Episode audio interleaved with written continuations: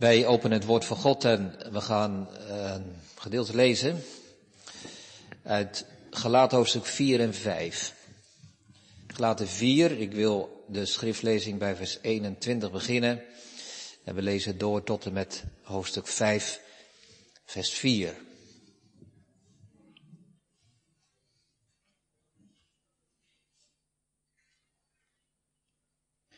Gelaten 4 dus, vers 21. En we lezen door tot hoofdstuk 5, vers 4. Het woord van God spreekt ons als volgt aan. Zeg mij, u die onder de wet wilt zijn, luistert u niet naar de wet. Want er staat geschreven dat Abraham twee zonen had, een van de slavin en een van de vrije.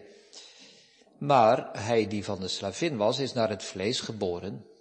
Hij echter die van de vrije was, door de belofte. Deze dingen hebben een zinnebeeldige betekenis, want deze vrouwen zijn de twee verbonden. Het ene, dat van de berg Sinai, dat kinderen voortbrengt voor de slavernij, dat is Hagar. Want deze Hagar is de berg Sinai in Arabië en komt overeen met het huidige Jeruzalem, dat met haar kinderen in slavernij is. Maar het Jeruzalem dat boven is, is vrij. En dat is de moeder van ons allen. Want er staat geschreven, wees vrolijk onvruchtbare die niet baart. Pas los in gejuich gejuich en roep u, die geen barensnood kent, want de kinderen van de eenzame zijn veel talrijker dan van haar die de man heeft. Wij nu, broeders, zijn kinderen van de belofte. Net zoals Isaac. Maar zoals destijds hij, die naar het vlees geboren was, hem vervolgde, die naar de geest geboren was, zo is het ook nu. Wat zegt de schriftrechter? Jaag de slavin en haar zoon weg. Want de zoon van de slavin zal beslist niet erven met de zoon van de vrije. Daarom, broeders, we zijn geen kinderen van de slavin, maar van de vrije. Sta dan vast in de vrijheid waarmee Christus ons vrijgemaakt heeft en laat u niet weer met een juk van slavernij belasten. Zie ik, Paulus, zeg u dat als u zich laat besnijden, Christus u van geen nut zal zijn. En nogmaals betuig ik aan ieder mens die zich laat besnijden dat hij verplicht is de hele wet te onderhouden. U bent van Christus losgeraakt. U die door de wet gerechtvaardigd wilt worden en daarmee bent u uit de genade gevallen. Tot zover de lezing van de schrift. En de tekst voor de preek van deze middag is het eerste vers van hoofdstuk 5. Gelaten 5, vers 1. Sta dan vast in de vrijheid waarmee Christus ons vrijgemaakt heeft. En laat u niet weer met een juk van slavernij belasten. Sta in de vrijheid, het thema boven de preek. Sta in de vrijheid. Drie gedachten. Leven in vrijheid. Staan in vrijheid. Blijven in vrijheid. Leven in vrijheid, we moeten beseffen en helder hebben welke vrijheid dit is. Waar gaat het over? Een christen mag leven in vrijheid, maar welke vrijheid is dat dan? Vervolgens staat er dat hij daarin moet staan, moet vast staan. Wat wil dat ons zeggen? En ten derde, blijven in vrijheid, omdat erbij staat, laat u niet weer met een juk van slavernij belasten. Drie gedachten dus in de prediking. Gemeente, ik heb uiteraard niet zomaar deze tekst gekozen. Dat gebeurt eigenlijk nooit. Dat je zomaar een tekst kiest. Maar in dit geval heb ik er wel veel over nagedacht. Lang over nagedacht. Welke tekst zal ik kiezen om afscheid in de Laankerk te preken? Er zijn zoveel dingen die naar boven komen als wij terugkijken op de achterliggende jaren. Er zijn zoveel thema's die zich aandienen. Zal ik proberen, dacht ik, zal ik proberen een soort terugblik te geven op de achterliggende tien jaar. Zal ik proberen een soort samenvatting te geven van wat ik heb geprobeerd te zeggen en wat naar mijn overtuiging de kern van de prediking was of had moeten zijn. Zal ik ingaan op mijn eigen situatie? Dat weten we allemaal. De manier waarop ik afscheid neem is heel anders dan ik zelf ooit had gedacht en we allemaal hadden gewenst? Moet ik het misschien hebben over de verborgenheid van Gods voorzienigheid? De weg die Hij kan gaan met ons en die wij niet begrijpen. Ik heb het allemaal overwogen en erover nagedacht, maar uiteindelijk kwam ik uit bij dit vers uit Galaten 5, vers 1. De vrijheid van een christen. De vrijheid waarmee Christus ons heeft vrijgemaakt. Een christen mag leven in vrijheid. De eerste gedachte. Vrijheid. Wat is dat voor vrijheid waar de tekst het over heeft? Ik denk gemeente, ik weet dat een, een paar van de huisbijbelkringen ook het uh, Bijbelboek gelaten hebben besproken. Misschien kunnen die mij bijvallen als ik zeg dat dit vers wel eens het belangrijkste vers van het hele Bijbelboek gelaten zou kunnen zijn. Dit vers. Gelaten 5 vers 1. Het is een, het is een scharniermoment in de hele brief. Als Paulus hier zegt, sta dan in die vrijheid, sta dan vast. Dat woordje dan betekent dus natuurlijk daarom, kortom, samenvattend. Dus, hij vat samen wat hij heeft willen zeggen en zijn hele betoog, al die hoofdstukken daarvoor, die vat hij samen op dit moment als hij zegt, staat in die vrijheid. Maar het is ook vervolgens het begin van de komende hoofdstukken daarna. Het is het startpunt van wat hij nog verder te zeggen heeft. Als dat zo is, dan begrijpen we dat dit een heel belangrijk vers is. Als hij terugkijkt op die hoofdstukken, dan zegt hij, zo kunnen we dat en mogen we dat samenvatten. Gelovigen in Galatië, jullie zijn vrij van, bevrijd van. Dat is de terugblik. En hoe vooruitblik is, jullie zijn vrij tot. Vrij om te. Met het doel. Ja, dus die twee kanten zitten in dat woord vrij zijn. Je kunt ergens vrij van zijn. En van bevrijd zijn. En je kunt vrij zijn om te. De vrijheid hebben om iets te gaan doen. Nou, die beide dingen zitten erin. En ik kan ze niet in deze dienst allebei uitvoerig bespreken. Ik wil de nadruk leggen op dat eerste. Vrij van. Bevrijd van. Gelovigen, zegt hij, jullie zijn vrijgemaakt. Nou, waarvan dan? Waarvan zijn deze mensen vrijgemaakt? Nou, zegt iemand, ik weet dat uh, wel in grote lijnen, dat er, er uh, valse leraars waren, opvolgers, die naar Paulus kwamen en kritiek hadden op zijn prediking. En zeiden, ja, maar je kunt toch niet al die wetten en geboden loslaten? er zijn toch wel dingen die je als gelovige moet doen, blijven doen. Je moet je laten besnijden, je moet de Joodse wetten houden, feestdagen enzovoort. De mensen in Galatië waren wel onder de indruk van die argumenten. Ze dachten, ja, dat is wel zo. Dus iemand zegt wellicht, nou, die mensen toen moesten inzien dat ze vrij waren van de Joodse geboden die we kunnen vinden in Exodus, Leviticus, Numeri, Deuteronomium. Misschien nog aanvulling in Ezra en Nehemia en zo. Ze moesten dit horen, dat ze vrij van de wetten zijn en van die geboden zijn. En als wij de vraag stellen wat dat voor ons betekent, de christelijke vrijheid, dan zegt iemand, nou ja, het christendom moet niet in al die regels en wetten bestaan.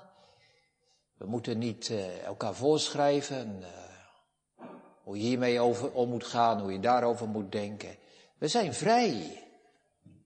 Al die regeltjes en die geboden, al die dingen die we elkaar kunnen voorschrijven, hè, over hoe je je kleden moet en hoe je de zondag houdt en wat er wel mag en wat er niet mag. We moeten niet wettisch zijn. Daar zijn we vrij van. Nou, er zit, hè, op dit gezicht lijkt er wat in te zitten, omdat het zo vaak over de wet gaat, maar Calvijn zegt in zijn verklaring bij dit gedeelte, ja, dat is veel te weinig. Als, we, als dat het zou betekenen, We moeten bijvallen. Als dit het zou betekenen, gemeente, dat, dat, dat wij vrij zijn van wetten en regeltjes, dan doen we het werk van Christus veel te kort. De Heer Jezus heeft zijn leven niet gegeven. Hij is niet de weg naar het kruis gegaan om ons van een aantal regeltjes en wetten te bevrijden. Zou dat het enige zijn wat we tegen elkaar kunnen zeggen? Joh, neem het niet zo moeilijk. Kies voor de makkelijke weg. Nee, dat woord vrijheid staat tegenover slavernij. Zeker in het, gedeelte van hoofdstuk 4 dat wij lazen. Dus Paulus zegt, wij waren slaaf, wij waren verslaafd. Maar we zijn bevrijd geworden. We zijn vrijgemaakt van die slavernij. Dus, gemeente, als ik dat probeer samen te vatten, die vrijheid waar het hier over gaat, is een vrijheid van het geweten, een vrijheid in ons hart, een vrijheid van binnen. Wij krijgen de belofte dat wij vrij zijn van de straf en van de schuld. Dat wij vrij zijn van angstgevoelens en van schaamte. De belofte van vrijheid hier is dat wij vrij zijn van die drukkende onrust die ons kan bezetten als we ons afvragen hoe God over ons denkt. Dat gevoel dat het nooit goed genoeg is. Dat je altijd maar weer denkt, ja maar wat vindt God ervan? Nee, zegt Paulus, je bent ervan bevrijd. Je mag weten dat je de gunst van God bezit. Je bent bevrijd van de toorn van God. Gelaten 3 vers 13, Christus heeft ons vrijgekocht van de vloek van de wet, door voor ons een vloek te worden. En in plaats van die angst en van die straf en die onrust en die onzekerheid, hebben wij een vrije toegang. En mogen wij weten dat de liefde van God en de genade van God er is. De vaderlijke zorg, de vergeving der zonden. De relatie met God is open, is vrij, is goed. Kijk gemeente, dat is die vrijheid. Dat is die vrijheid.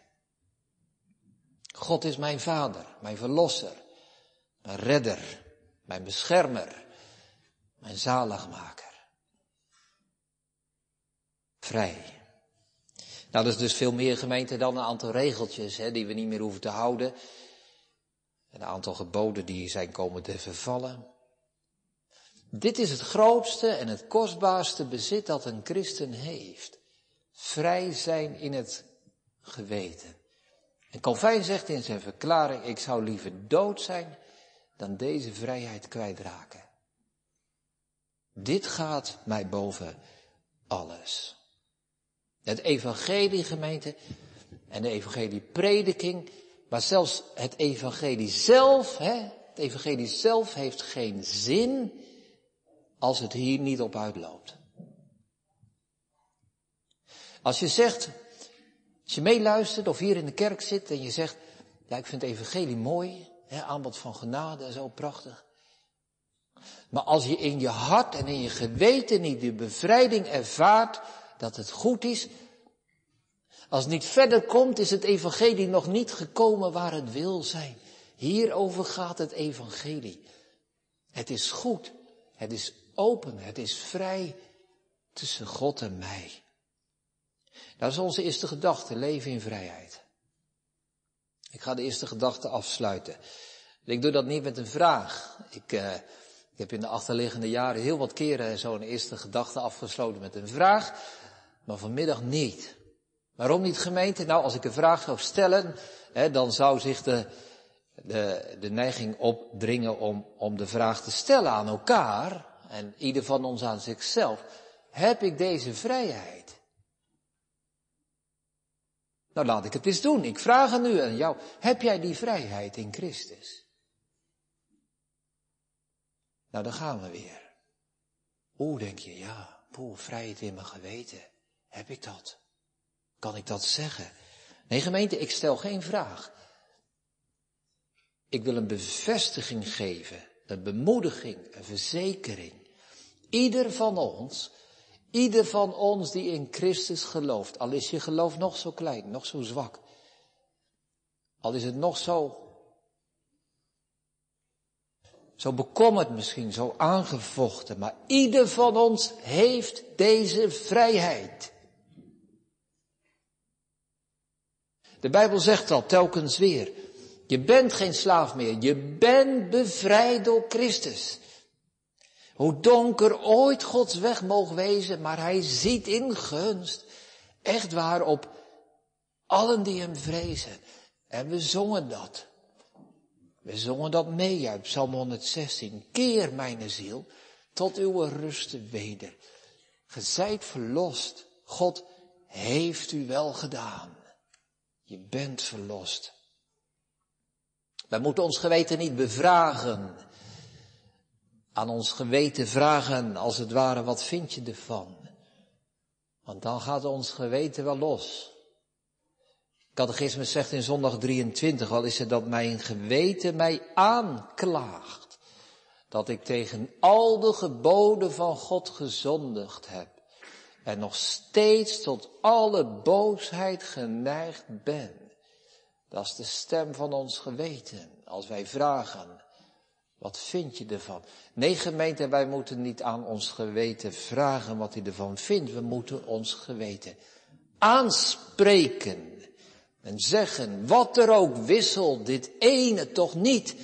Ik heb vrede met God voor altijd.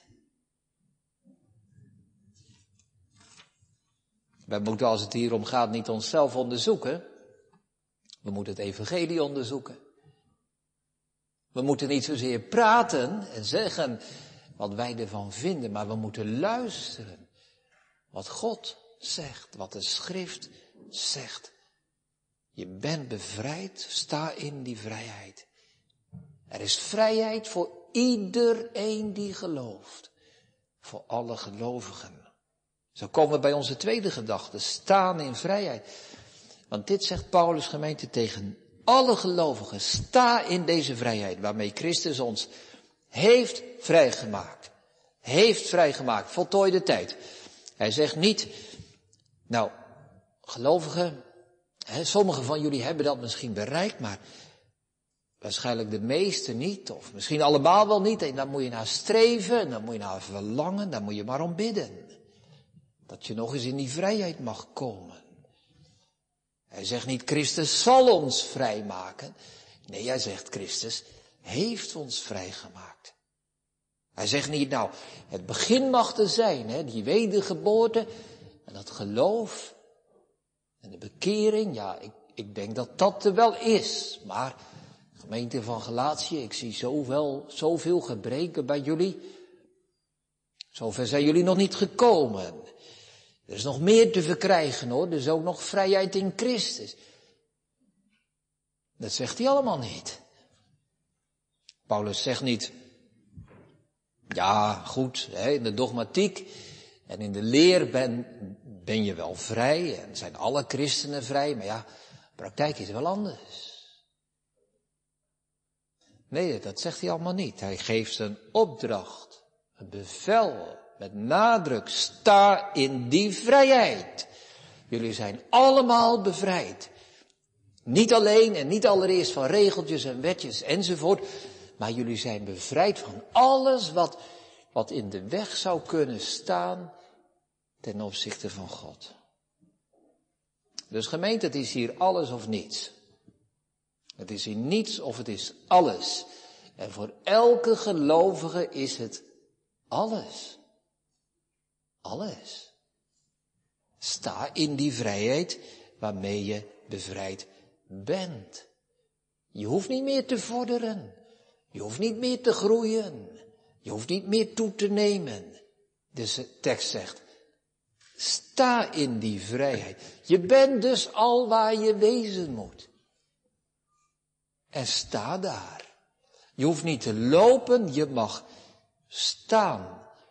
Je hebt de je hebt de plaats van bestemming bereikt. Blijf staan waar je staat en het is, het is goed.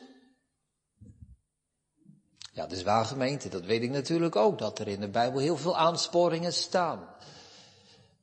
Neem toe en groei in de kennis en de genade van onze Heer Jezus Christus.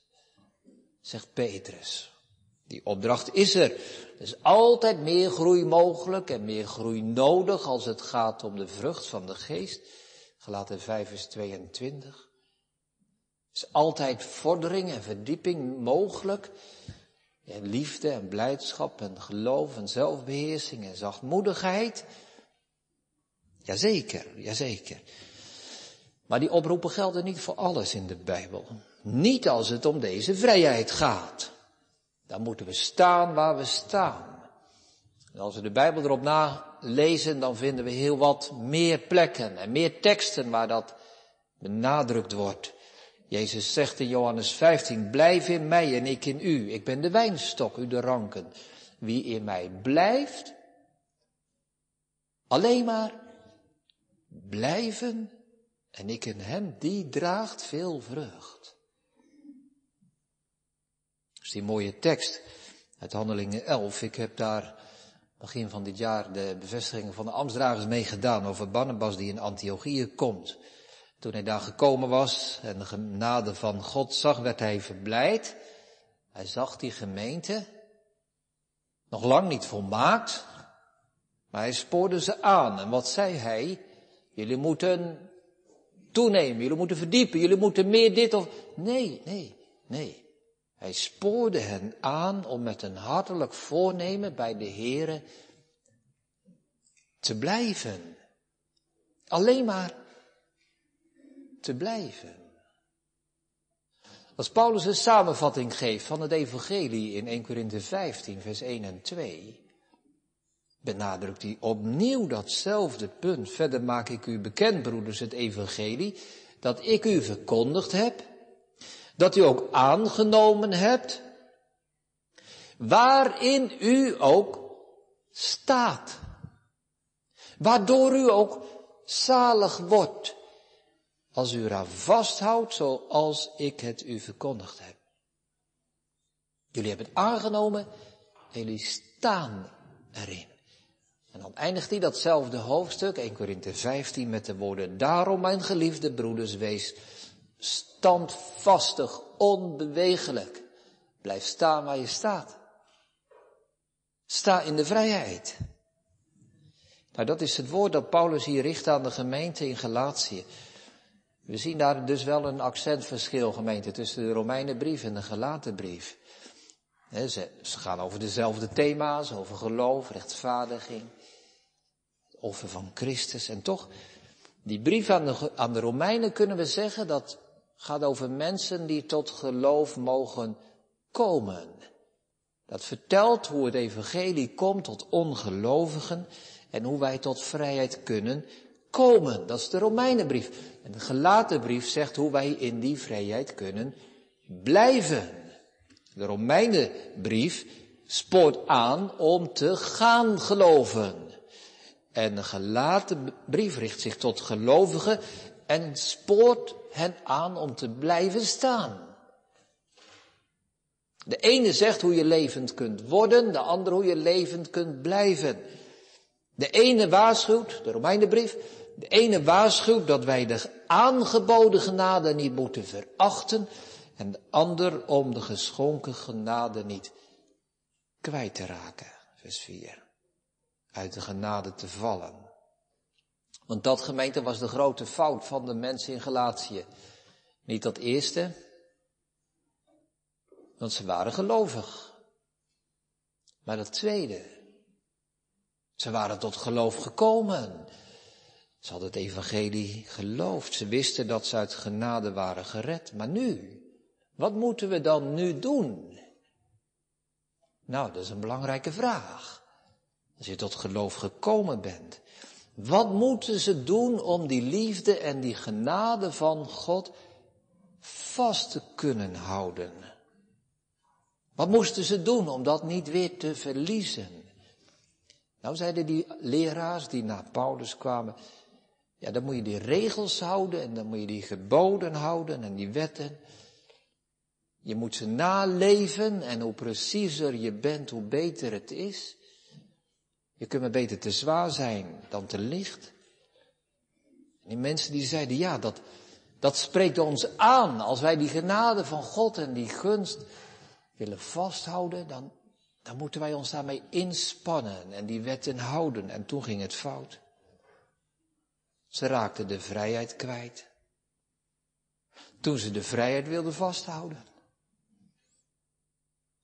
Ze raakten de vrijheid kwijt. Juist omdat ze het wilden vasthouden. En ze werden weer met een juk van slavernij bevangen. En weer kwam die oude angst en die oude onzekerheid. En die oude onrust naar binnen. En die twijfel. Doe ik het wel goed genoeg? Wat vindt God ervan? Wat moeten wij doen, gemeente? Als wij tot geloof zijn gekomen en de genade van God willen vasthouden. Wat moeten wij doen? Niets. Niets. Wij moeten niets doen om die genade vast te houden. We moeten staan waar we staan. Het is goed. Kijk, de grootste bedreiging, gemeente, van een christen is niet dat je denkt te geloven en dan blijkt dat je geloof niet echt is. Ik geloof niet dat dat de grootste bedreiging voor een christen is. De grootste bedreiging van een christen is dat je begint met bevrijding en vervalt tot slavernij. Dat je begint met het evangelie van Gods onverdiende genade en dat je dat toch weer kwijtraakt. Kijk, de tekst zegt het, hè, waarmee Christus ons vrijgemaakt heeft. Gemeente, dat woordje Christus. Zijn naam. Laat daar nu het licht eens op vallen. Wie heeft ons vrijgemaakt? De Heer Jezus. Heeft hij dat goed gedaan of heeft hij dat halfbakken gedaan? Heeft hij dat een beetje gedaan of heeft hij dat helemaal gedaan? Helemaal gemeente. Hij is tot in de vloek neergedaald. Om ons te bevrijden. En al die twijfels van ons. Hè, en al die aarzelingen. En telkens weer die onzekerheid die naar boven komt.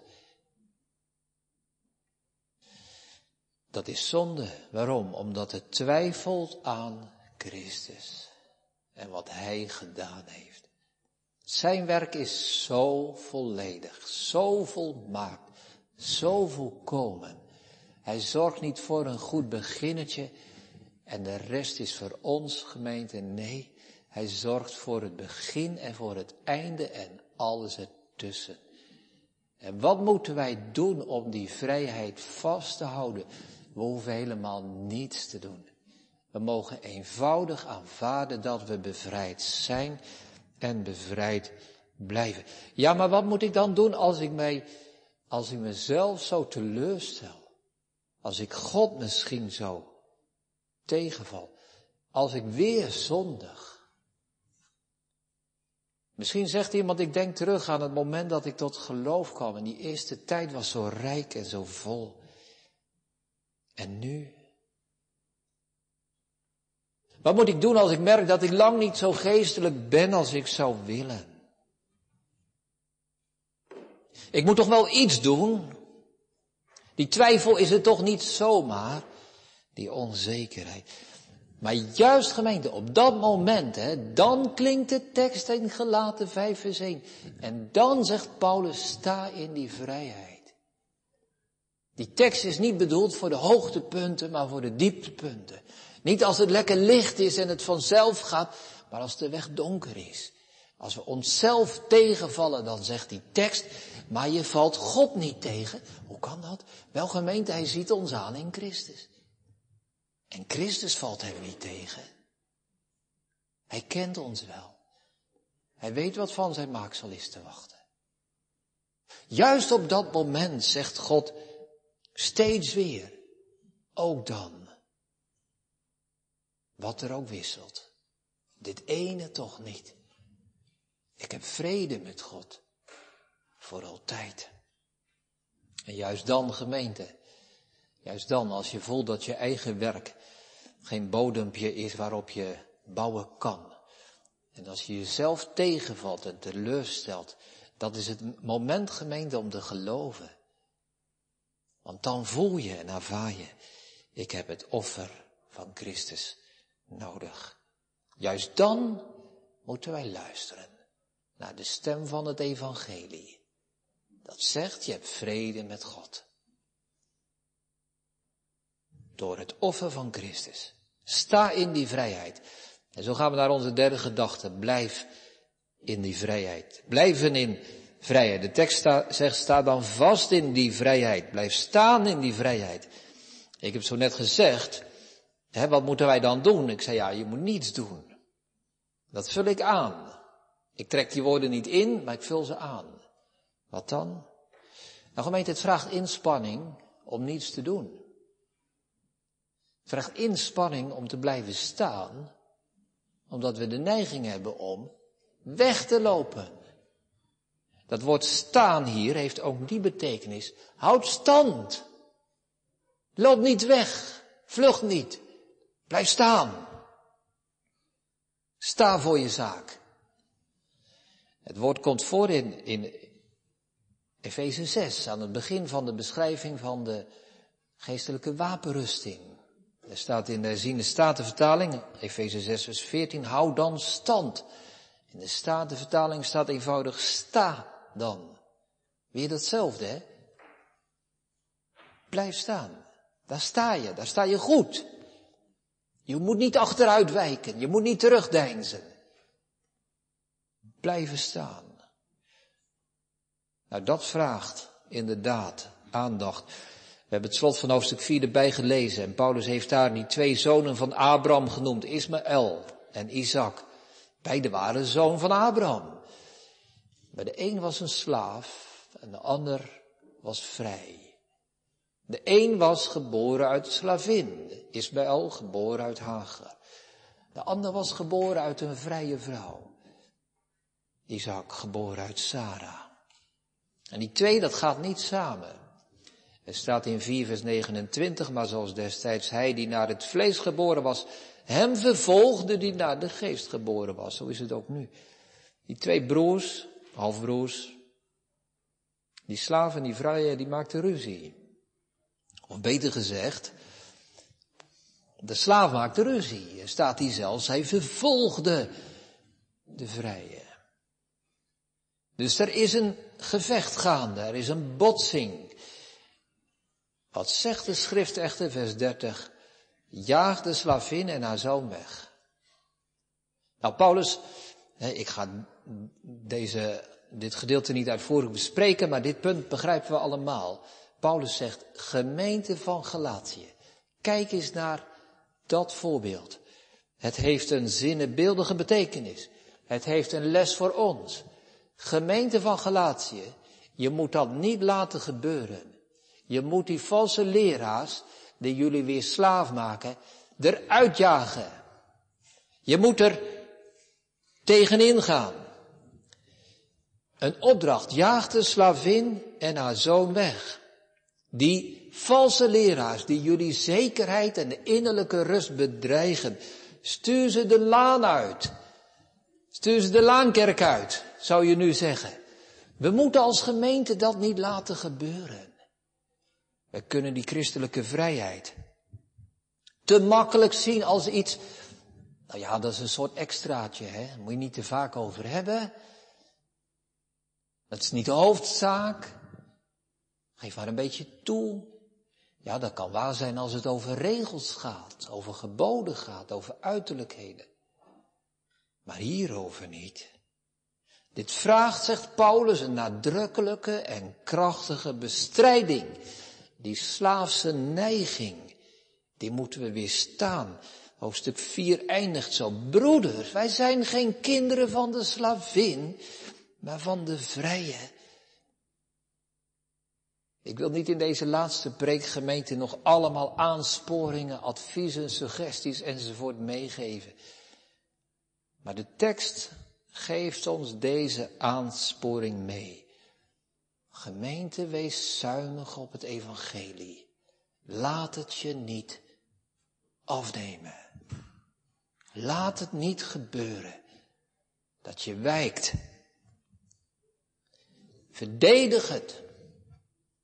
Dat is die derde gedachte. Blijf staan. Wees als Calvijn en zeg ik ben liever dood dan dat ik deze vrijheid in mijn gemeente geweten zou opgeven en laten afnemen. Christelijke vrijheid is het hart, is het hart van het christelijke geloof. Te weten dat ik vrij ben van die druk en van die last en van die schuldgevoelens en die angst. Omdat door Christus de weg naar God open is. Als ik terugkijk gemeente, de achterliggende tien jaar, als ik terugkijk zou ik willen dat ik vaker over de christelijke vrijheid had gepreekt. Ik zou willen dat ik het vaker had gedaan. Ik heb over heel veel dingen gepreekt. Ja, ik sta nog steeds, denk ik, achter wat ik gezegd heb. En toch zou ik willen, nu ik vol bezig was in de voorbereiding voor deze tekst, had ik hier maar vaker over gepreekt. Dit is zo wezenlijk. Dit is zo belangrijk. We zijn vrij in ons geweten. Niets staat ons in de weg. Maar gelukkig gemeente, ik kan het in deze laatste dienst, in de afscheidsdienst nog een keer zeggen. En ik zeg het hartelijk in verbondenheid, broeders en zusters, we zijn bevrijd door Christus. Hij heeft ons vrijgemaakt. We zijn geen slaven. We zijn vrije mensen. We zijn vrije kinderen van God. Het grote voorrecht dat God ons gegeven heeft. We steunen niet op onszelf. Wij steunen op het offer van de Heer Jezus. Wat Hij gedaan heeft. We zijn liever dood dan in ons geweten gebonden. Die vrijheid is onze vreugde. Die bevrijding is ons alles. En daarom sluit ik deze afscheidsdienst met deze woorden. Als een wens, als een opdracht. Sta in de vrijheid waarmee Christus ons heeft vrijgemaakt. Amen.